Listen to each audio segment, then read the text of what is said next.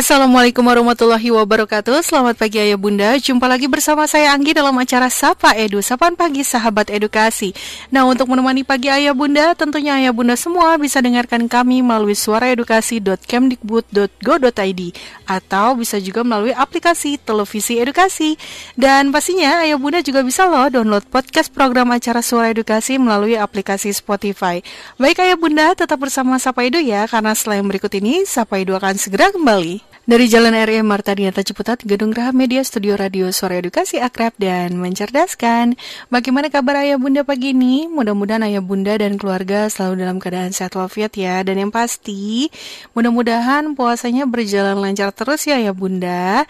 Nah, nggak lupa nih ayah bunda untuk selalu ingatkan si kecil untuk terapkan protokol kesehatan setiap harinya dan di mana pun berada ya dengan 3M mencuci tangan, memakai masker dan juga menjaga jarak. Patuhi 3M jika kita sayang diri sendiri dan juga keluarga.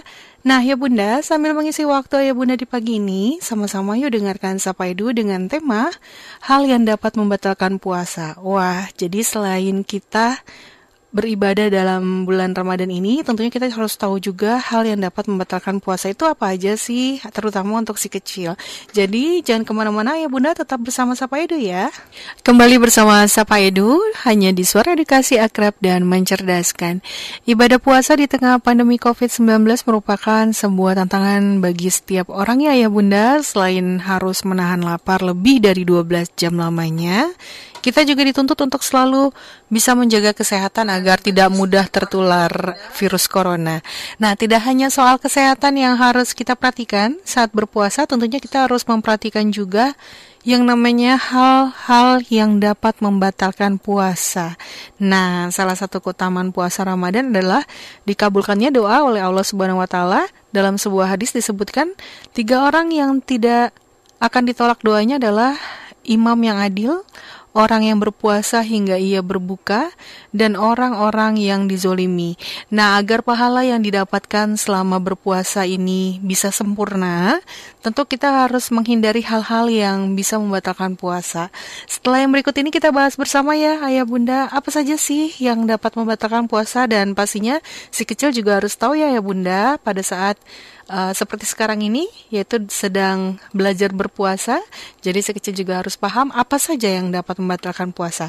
Jadi tetap bersama kami setelah yang satu ini, sampai dua akan segera kembali. Kembali bersama Sapa Edu, pastinya hanya di suara edukasi akrab dan mencerdaskan. Ayah bunda, agar pahala yang didapatkan selama puasa Ramadan bisa sempurna, tentu kita juga harus menghindari hal-hal yang bisa membatalkan puasa. Nah, ada beberapa hal yang dapat membatalkan puasa, sudah pasti salah satunya adalah makan dan minum. Jadi orang yang sengaja makan dan minum sebenarnya ia telah membatalkan puasanya. Karena puasa itu artinya menahan salah satunya yaitu makan dan minum. Namun berbeda ya kalau misalnya dilakukan dalam keadaan lupa ya. Nanti kita tanya-tanya dengan Ustadz yang sudah bersedia mau ngobrol-ngobrol di Sapa Edu bagaimana dengan hukumnya jika kita lupa. Nah, kemudian yang kedua adalah sengaja memuntahkan makanan yang sudah kita makan pada saat sahur, namun muntah itu tidak membuat puasanya batal jika ia muntahnya karena memang dalam keadaan sakit atau nggak enak badan. Nah, kemudian memasukkan sesuatu ke rongga mulut dan hal-hal yang membatalkan puasa lainnya adalah uh, untuk wanita keluarnya darah haid atau nifas. Wanita yang sedang puasa ketika siang hari misalnya tiba-tiba keluar uh, haid gitu ya, maka puasanya harus dibatalkan. Nah, baik kayak Bunda nanti kita lanjutin lagi ngobrol-ngobrolnya apa aja sih yang dapat membatalkan puasa dan tentunya sahabat kecil edukasi juga harus tahu di rumah begitu. Tapi setelah yang berikut ini, jadi tetap bersama kami. Kembali bersama Sapa Edu, pastinya hanya di Suara Edukasi Akrab dan Mencerdaskan. Ayah bunda, secara istilah, puasa itu bermakna menahan diri dari segala hal yang dapat membatalkan puasa sejak terbit fajar hingga terbenamnya matahari dengan niat pastinya karena Allah Subhanahu wa taala. Nah, kemudian puasa Ramadan wajib hukumnya bagi umat Islam dan kewajiban menjalankan puasa untuk umat Islam ini tercantum dalam surah Al-Baqarah ayat 183 yang artinya Wahai orang-orang yang beriman diwajibkan atas kamu berpuasa sebagaimana diwajibkan atas orang-orang sebelum kamu agar kamu bertakwa. Nah, maka selain menanamkan uh, sikap untuk sabar, terus juga bisa menahan diri dari segala macam yang bisa menimbulkan emosi dan juga tentunya sudah pasti anak-anak bisa belajar menahan rasa lapar dan haus saat berpuasa, kita juga harus mengetahui hal-hal apa saja sih yang dapat membatalkan puasa. Nanti kita bahas bersama ya Bunda, jadi tetap bersama kami dalam acara Sapa Edu. Saat Ramadan tiba, setiap umat Islam yang memenuhi syarat diwajibkan menjalani ibadah puasa tentunya, sebagaimana yang tertera dalam rukun Islam. Hakikat berpuasa adalah menahan dari segala sesuatu yang dapat membatalkan puasa dari terbitnya fajar hingga tenggelamnya matahari. Nah, apa aja sih yang dapat membatalkan puasa? Untuk itu kami saat ini sudah bersama Ustadz Irfan Abu dan sama-sama ya Bunda kita akan berbincang tentang hal yang dapat membatalkan puasa. Assalamualaikum, selamat pagi Pak Ustadz. Waalaikumsalam warahmatullahi wabarakatuh. Selamat pagi Mbak. Assalamualaikum, selamat pagi Pak Ustadz. Waalaikumsalam warahmatullahi wabarakatuh. Selamat pagi Mbak. Baik Pak Ustadz. Senang sekali pagi ini Sapa Edu dapat berbincang kembali bersama Pak Ustadz Dan bicara tentang mengajarkan anak-anak tentang puasa. Nih Pak Ustadz Tentu ayah bunda juga harus memberitahu si kecil Apa saja sih yang dapat membatalkan puasa selain makan dan minum di siang hari. Kecuali kalau adik-adik yang masih belajar berpuasa dan puasanya masih bertahap ya. Nah, pada saat berpuasa hal apa saja sih Pak Ustadz yang harus kita perhatikan? Iya, baik.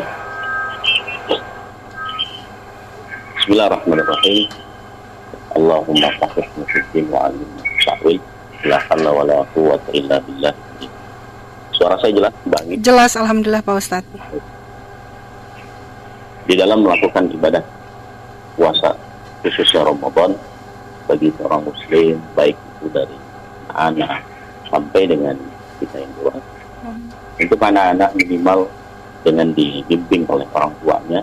Yang paling pertama adalah kita mengetahui dulu tentang puasa itu. Satu, yang kedua, bagaimana teknik puasa atau bahasa dalam agama dengan fikih Teknik puasa atau bahasa agama fikih.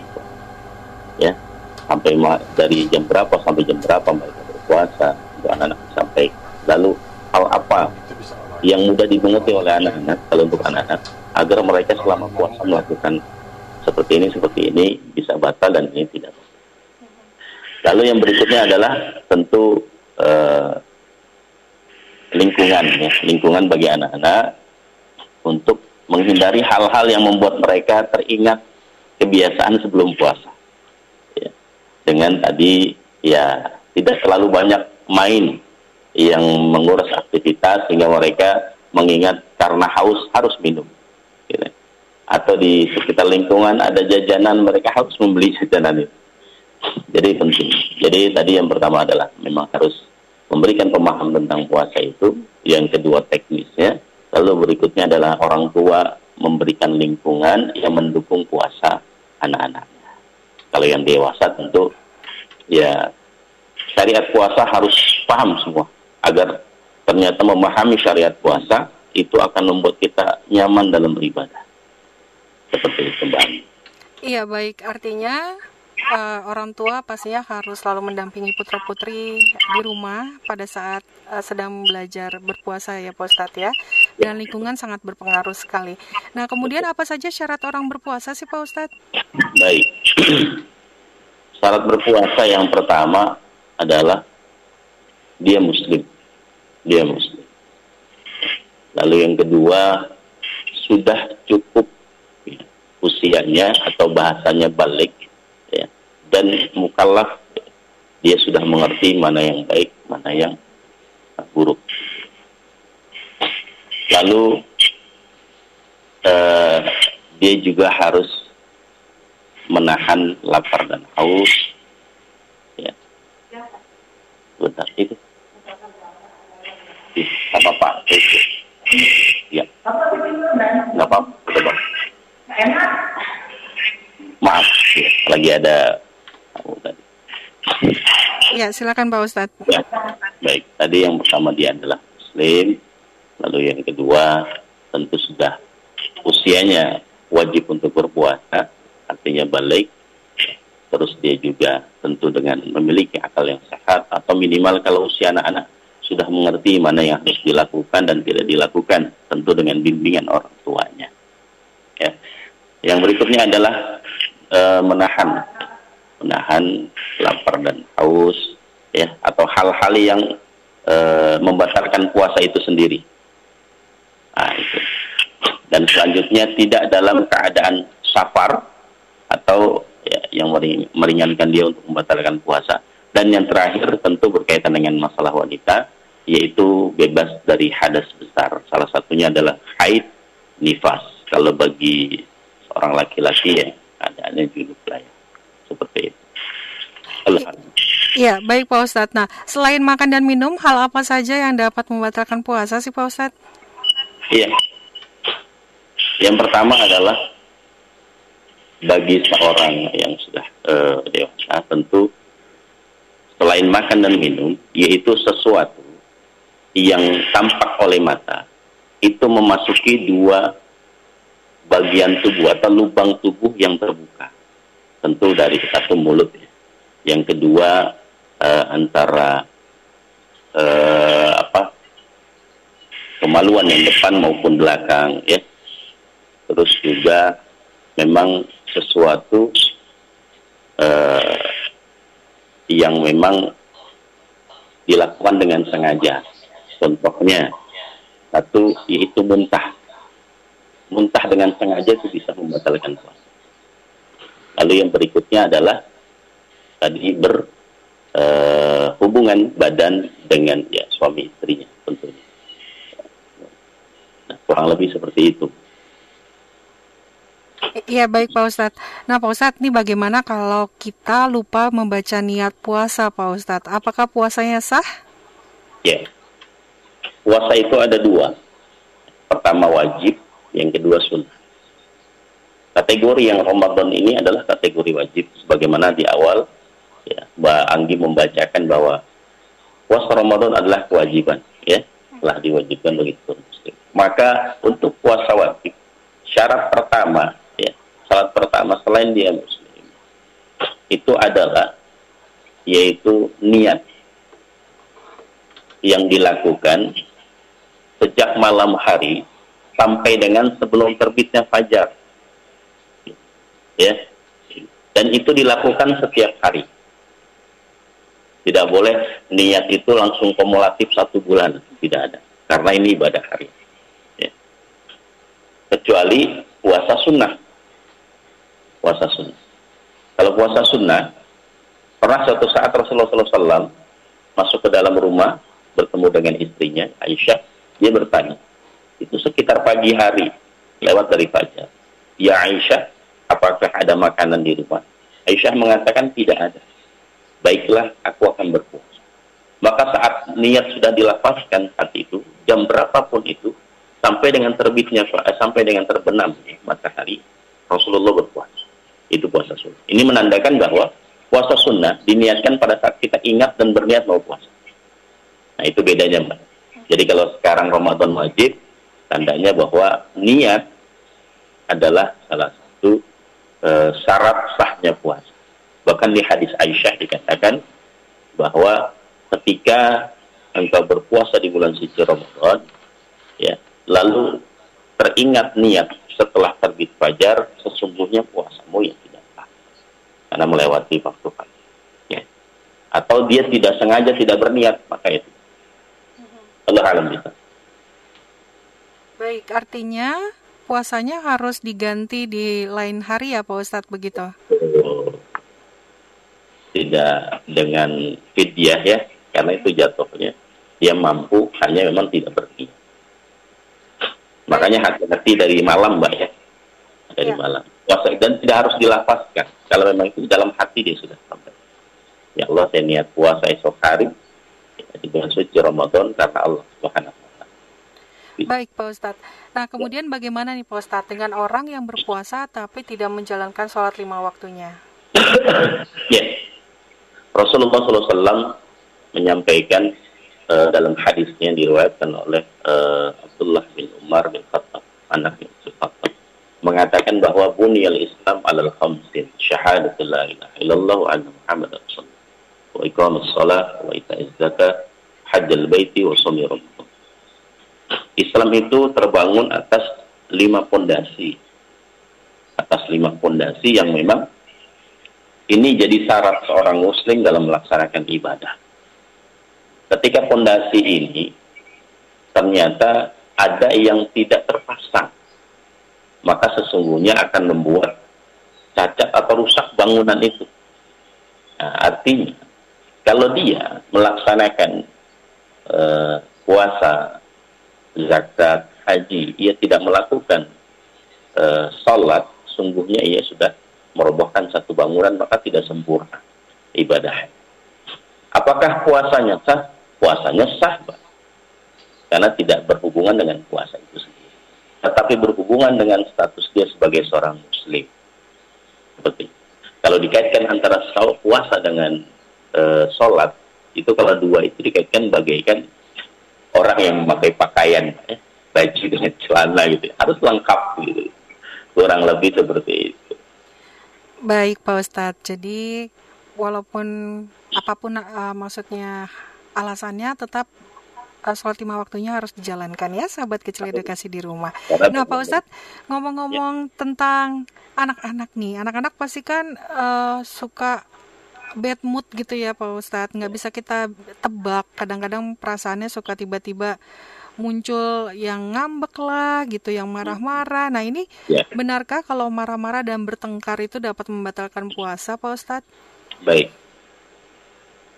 Tadi saya sudah sampaikan di antara yang membatalkan puasa ya adalah makan dan minum. Yang kedua, masuknya sesuatu yang terlihat oleh mata ya itu melalui uh, lubang di di tubuh kita. Yang lubang itu lubang terbuka ya. Lubang terbuka yang sampai mengenai jalur salur uh, saluran pencernaan kita gitu ya. Nah itu. Ataupun ya tadi e, dua kemaluan kita depan dan belakang. Lalu berikutnya adalah muntah dengan sengaja dan berhubungan dengan sengaja. Ya, atau wanita dari kondisinya begitu di pertengahan dia tiba-tiba haid atau apa, maka itu batal. Nah, selain dari itu, itu tidak membatalkan puasa. Tetapi kalau itu berupa sebuah keburukan, perbuatan yang sia-sia, kemungkinan besar akan mengurangi pahala puasa. Kualitas puasa. Sampai Rasulullah e, memberikan peringatan qaimin min siyamihi ilal juwal Banyak di antara mereka hmm. ya, ketika mereka berpuasa justru hanya mendapatkan lapar dan dahaga saja, Mbak. Gitu. Pahalanya nggak ada. Gitu.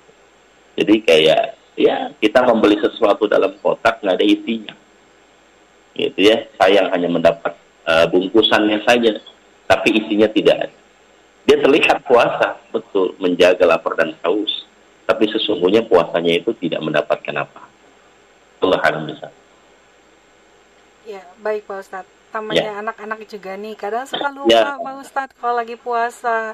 Terus lihat makanan bekas sahur masih di atas meja. Kemudian dimakan ya, tapi lupa gitu. Bagaimana ya. dengan puasa yang sudah dijalankan Pak Ustadz? Apakah sah Pak Ustadz? Dan atau ya. nantinya kita harus membayar puasa satu hari begitu? Iya tadi berkaitan dengan uh, yang membatalkan puasa bahasa disampaikan dalam bahasa fikih. Salah satunya dalam fikih sunnah Said Sabik bahwa sifatnya adalah sengaja. Gitu. dan ternyata kategori syarat puasa dengan kata berakal artinya bukan hanya dia mungkin kondisinya gila tapi dia dalam kondisi tak sadar atau lupa. Maka masih dalam ruksoh ruksoh itu artinya ada keringanan yang dibolehkan maka di suatu ketika ada sahabat bertanya ya Rasulullah aku Eh, sesungguhnya sedang berpuasa, tapi aku sudah memakan, sudah minum dan makan ini. Bagaimana ya Rasulullah? Sungguh aku tidak tahu kalau aku sedang berpuasa. Maka Rasulullah mengatakan bahwa makanan dan minuman yang kau makan dalam keadaan kau lupa atau tidak sengaja, ya, sesungguhnya tidak membatalkan puasamu. Tetapi berkaitan dengan makanan dan minuman yang sudah kau makan, itu adalah rezeki dari Allah Subhanahu wa taala. Cuma ada sama anak-anak nih harus disampaikan ini bahasanya gitu ya. Nanti mah lupa gitu. Semua dilupain aja nanti semua. Iya. Mah aku dapat rezeki dari Allah mah, aku lupa makan. Iya baik Pak Artinya pada saat anak-anak menangis atau mungkin uh, kita tidak sengaja menangis gitu perasaan kan nggak bisa ya. ditahan-tahan ya Pak Ustadz. Ini Betul. artinya menangis ini tidak dapat membatalkan puasa tapi hanya mengurangi nilai ibadahnya begitu ya Pak Ustadz ya. Makanya tadi saya bilang yang perlu disiapkan saat berpuasa adalah lingkungan. Orang tua harus mengajak anaknya sesuatu yang mudah mereka itu membatalkan puasanya atau membuat puasa dia jadi sia-sia atau bahkan bosan dengan suasana puasanya itu luar biasa seperti itu kurang lebih. Nah, kemudian bagaimana nih Pak Ustadz dengan orang yang melaksanakan vaksin saat ini kan memang sedang masyarakat semuanya sedang melakukan vaksin ya Pak Ustadz karena kan vaksin ini memasukkan sesuatu ke dalam tubuh. Apakah vaksin dapat membatalkan puasa Pak Ustadz? Iya, yang pertama dalam kaidah fikih dalam kaidah fikih dikatakan bahwa di situ adalah sesuatu bagian tubuh yang terbuka. Yang terbuka dan melalui jaluran pencernaan di dalam. Pencernaan dalam itu artinya sudah masuk ke dalam eh, rongkongan sampai kepada lambung ya. Itu membatal. Vaksin melalui suntikan itu berarti dia membuka paksa lubang dalam tubuh manusia. Maka ulama sepakat dan beberapa ya, eh, hadis menyatakan bahwa itu tidak apa-apa dan tidak membatalkan puasa. Dan alhamdulillah di Indonesia MUI kita sudah mengeluarkan SK-nya, Mbak. Ya, ada SK MUI nomor 23 tahun 2021 berkaitan dengan vaksin, berkaitan dengan swab, itu diperbolehkan ya tidak membatalkan puasa kurang lebih dan vaksin itu ibaratnya seperti bekam mm-hmm. ya bekam itu ketika tidak membahayakan bagi yang dibekam kan itu menusukkan sesuatu mm-hmm. maka diperbolehkan ya sampai keluar darah atau apa ya itu diperbolehkan Baik. tapi kalau itu berefek kepada kesehatannya membuat puasanya nanti batal, maka itu harus dihindari. Seperti Baik Pak Ustadz, berarti artinya vaksin itu uh, aman ya puasanya bisa bisa aman. dilanjutkan ya Pak Ustadz ya, Insya Allah ya. Nah, tadi kan. Iya baik. Nah Pak Ustadz ini menarik sekali dan nggak sengaja mungkin ya kita juga kadang suka uh, tidur terlalu lama nih Pak Ustadz. Bagaimana dengan orang yang mengisi waktu puasa dengan tidur seharian? Apakah puasa yang dijalankannya sah Pak Ustadz? Ya. Bicara dengan sah dan tidak sah, batal dan tidak batal tentu tidak berpengaruh dengan puasanya. Sama, sama halnya dengan tadi marah, ya, tidak membatalkan puasa. Hanya tadi sesuatu yang sia-sia maksudnya. Atau ada dalil gitu yang mengatakan bahwa kalau tidurnya orang puasa itu adalah ibadah. Mm-hmm. Ya. Sehingga tidak ada aktivitas. Nah, itu sama saja tadi. Orang yang berpuasa nggak perlu sholat. Gitu ya. Yang penting puasanya. Gitu. Nah, itu. Jadi sia-sia. Batal tidak. Ya. Sah tetap sah. Hanya tadi membuat puasanya menjadi sia-sia. Kurang lebih seperti itu. Baik Pak Ustadz tentunya hal yang tadi sudah Pak Ustadz jelaskan di luar yang dapat membatalkan puasa itu sah puasanya ya. hanya mengurangi nilai-nilai ibadahnya ya, aja begitu Pak Ustadz. Nah bisa dijelaskan Pak Ustadz hukumnya nih jika orang yang berpuasa tapi masih suka berdusta, suka gibah dan ria Pak Ustadz.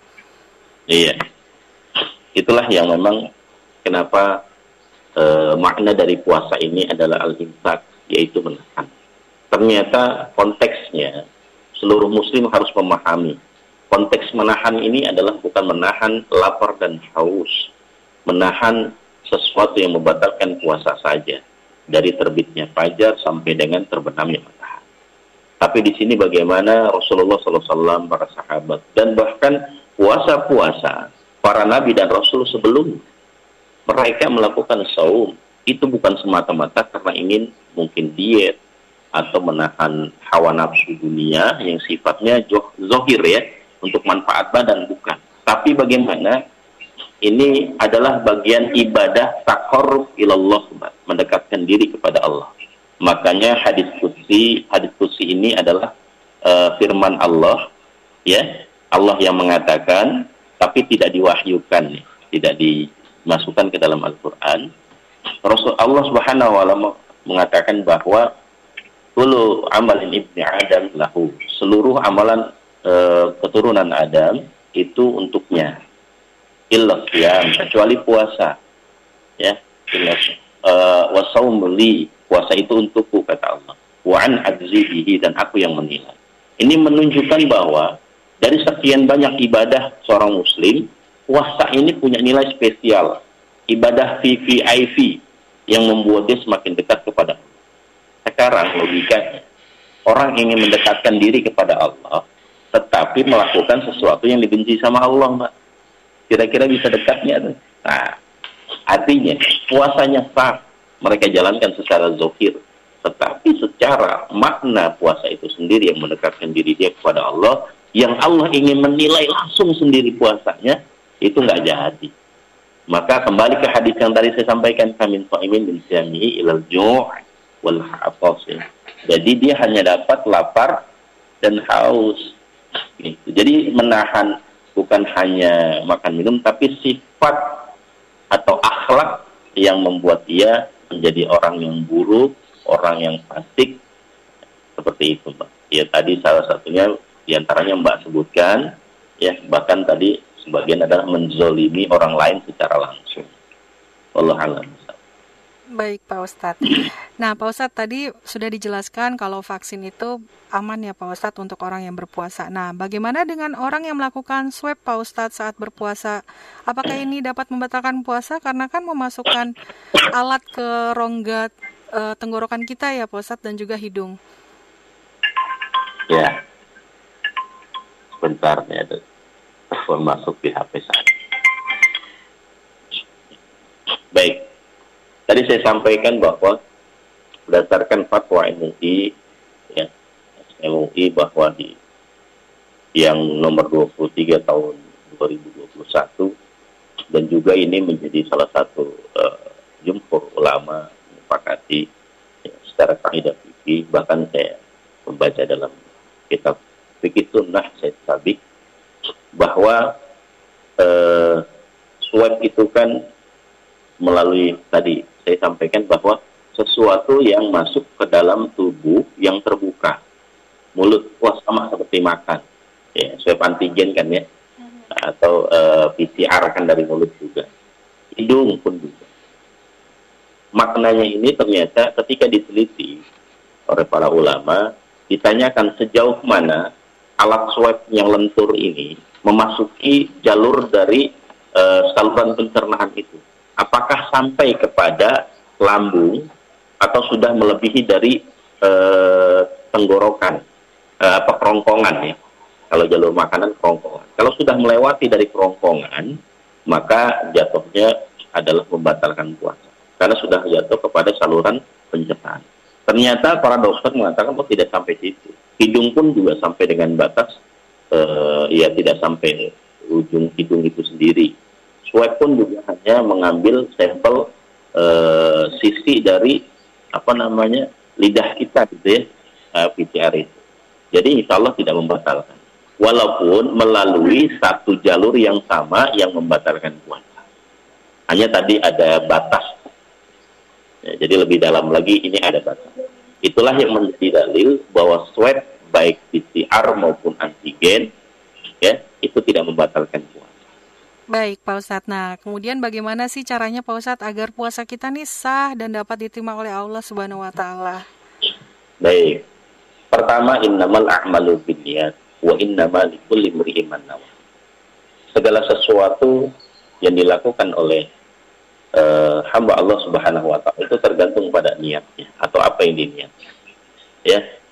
Berarti yang pertama latih anak-anak kita bahwa puasa itu adalah untuk mereka semakin dekat dengan Tuhan. Begitupun diri kita harus ikhlas, bukan karena pasangan malu pasangan kita puasa kita enggak. Nah, ini karena malu atau karena yang lain. Yang kedua, ini persiapkan adalah tentu tadi saya bilang teknis puasa atau syariat puasa itu sendiri. Sehingga ketika melaksanakan ibadah kita nyaman, gitu. nggak penuh dengan keraguan dan tidak asal, gitu ya Ibarat kalau kita membeli alat elektronik harus punya juklak bukunya gitu. Jadi dalam merawat elektronik itu awet. Begitupun kalau dia tahu teknis fikih puasa, syariat puasa, akan awet puasa. Lalu yang ketiga, bahwa uh, tujuan puasa itu adalah benar-benar membentuk kepribadian. Ya, manusia diberikan Allah, ya, yaitu sifat fujuroha wa taqwa. Sifat keburukan yang Allah anugerahkan dan disampaikan oleh Allah fa'alhamaha fujuraha wa taqwaha. Aku ilhamkan manusia setelah aku ciptakan, lalu aku beri sifat di antara malaikat, di antara hewan maupun jin, ada dua sifat ini yang kecondongan, yaitu fujur, yaitu sifat-sifat buruk yang mengarah kepada dosa, dan watakwaha. Maka tujuan puasa kan untuk membentuk yang takwa. Nah, manusia harus menjaga itu. Ambil yang takwa, sifat-sifat fujur sebagaimana tadi Mbak sampaikan. Apa dosa lisan? Ya tadi riba, menghina, namimah, adu domba. Lalu apalagi dosa kaki, jangan ke tempat-tempat maksiat, jangan hal yang sia-sia gitu ya. Lalu apalagi dosa telinga tidak mendengarkan yang sia-sia. Itu semua. Jadi uh, adalah kalau saya simpulkan satu jaga niat, yang kedua jaga syariat, yang ketiga jaga uh, makna dari puasa itu sendiri agar berkualitas di sisi Allah Subhanahu wa taala. Wallahu alam. Baik Pak Ustadz, jadi selain harus menahan lapar dan haus, kita juga harus menjaga hati kita ya Pak Ustadz ya, harus menjaga hawa nafsu juga begitu kurang Betul. lebihnya. Baik Pak Ustadz nih supaya hari-hari saat Ramadan gak sia-sia nih Pak Ustadz, amalan apa aja yang bisa kita lakukan di rumah bersama anak-anak Pak Ustadz? Ya, Alhamdulillah kita sudah di 10 terakhir Mbak ya, 10 hmm. terakhir Ramadan. Ya, Rasulullah ketika di 10 hari terakhir itu benar-benar ibarat seorang pelari ketika ingin menuju finish itu bukan semakin memperlambat larinya tapi justru malah mempercepat. Artinya kita pasangan kita dan anak-anak kita harus diberikan semangat lagi. Ayo nak, ya tujuan kita berpuasa waktu puasa kita tinggal beberapa.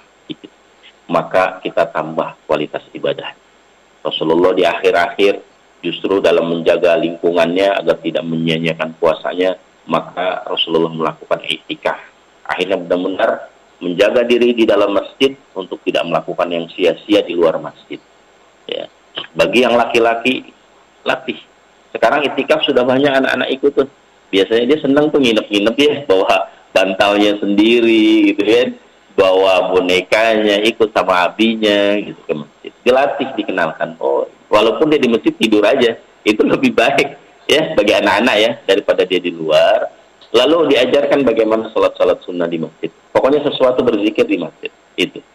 Lalu yang berikutnya eh, ajak dan ingatkan pasangan kita. Saling mengingatkan. Ini malam malam-malam terbaik mah. Malam-malam terbaik pak. Yuk Rasulullah menyampaikan, menyampaikan man uh, koma Ramadan imanan wa ihtisaban ghufirallahu ma taqaddama min Barang siapa menghidupkan malam-malam Ramadan, Allah akan ampuni dosanya dengan iman dan ihtisab. Lalu man man Lailatul Qadar imanan wa ihtisaban. Barang siapa yang dia uh, mendirikan aktivitas ibadah di malam Lailatul Qadar ya dengan iman dan ihtisaban, maka Allah akan ampuni juga dosa. Apalagi Lailatul Qadar ini kan khairum min alfi syahr satu malam yang ketika kita bisa mendapatkan manfaat dari Lailatul Qadar ini ya Allah sampaikan engkau kualitas ibadahmu malam itu bagaikan orang yang hidup seribu bulan. Bahkan lebih dari itu khairum min alfi syahr. Ya kualitasnya bukannya sama tapi lebih baik dari orang yang ibadah seribu bulan. Kalau hitungan tahun jatuhnya sekitar 83 tahun lebih Bang Coba kita hanya semalam beribadah dengan khusyuk, mempersiapkan dengan iman dan ikhtisaban, dengan sungguh-sungguh niat karena Allah, kualitasnya seperti itu. Nah itulah di malam 10 hari terakhir ini, yuk bergerak cepat, jaga diri, makin dekat dengan Allah Subhanahu wa taala. Hatta kita akan mencapai la'allakum tattaqun. Allah alam Amin ya Allah. Mudah-mudahan kita semua bisa mendapatkan malam seribu uh, bulan tadi ya Pak Ustadz ya. Dan terakhir Pak Ustadz pesan dan harapan terkait dengan tema kita pada hari ini Pak Ustadz silakan. Hmm. Gimana? Pesan dan harapan terkait dengan tema kita Pak Ustadz. Ya, baik. Buat ayah bunda, sahabat Edu yang dirahmati Allah Subhanahu wa taala, eh, berkaitan dengan hal yang membatalkan puasa itu penting kita ketahui. Tetapi sesungguhnya akan menjadi sesuatu yang sangat penting ketika kita semua juga menyampaikan kepada keluarga kita, mendidik anak-anak kita, pasangan kita untuk disampaikan. Ada loh yang membuat puasa ini hanya uh, bukan hanya terasa secara jasadnya sehat, baik, menahan hawa amarah, menangis, sedih, tapi justru membuat kualitas pribadi menjadi lebih baik, bermanfaat untuk kehidupan menjadi berkah, menjadi orang baik. Apa itu? Kita harus tahu apa yang membatalkan pahala puasa. Itu. Jadi jangan hanya tahu apa yang membatalkan puasa, tapi mari kita mulai memahami apa yang membatalkan pahala puasa. Wallahu a'lam bishawab.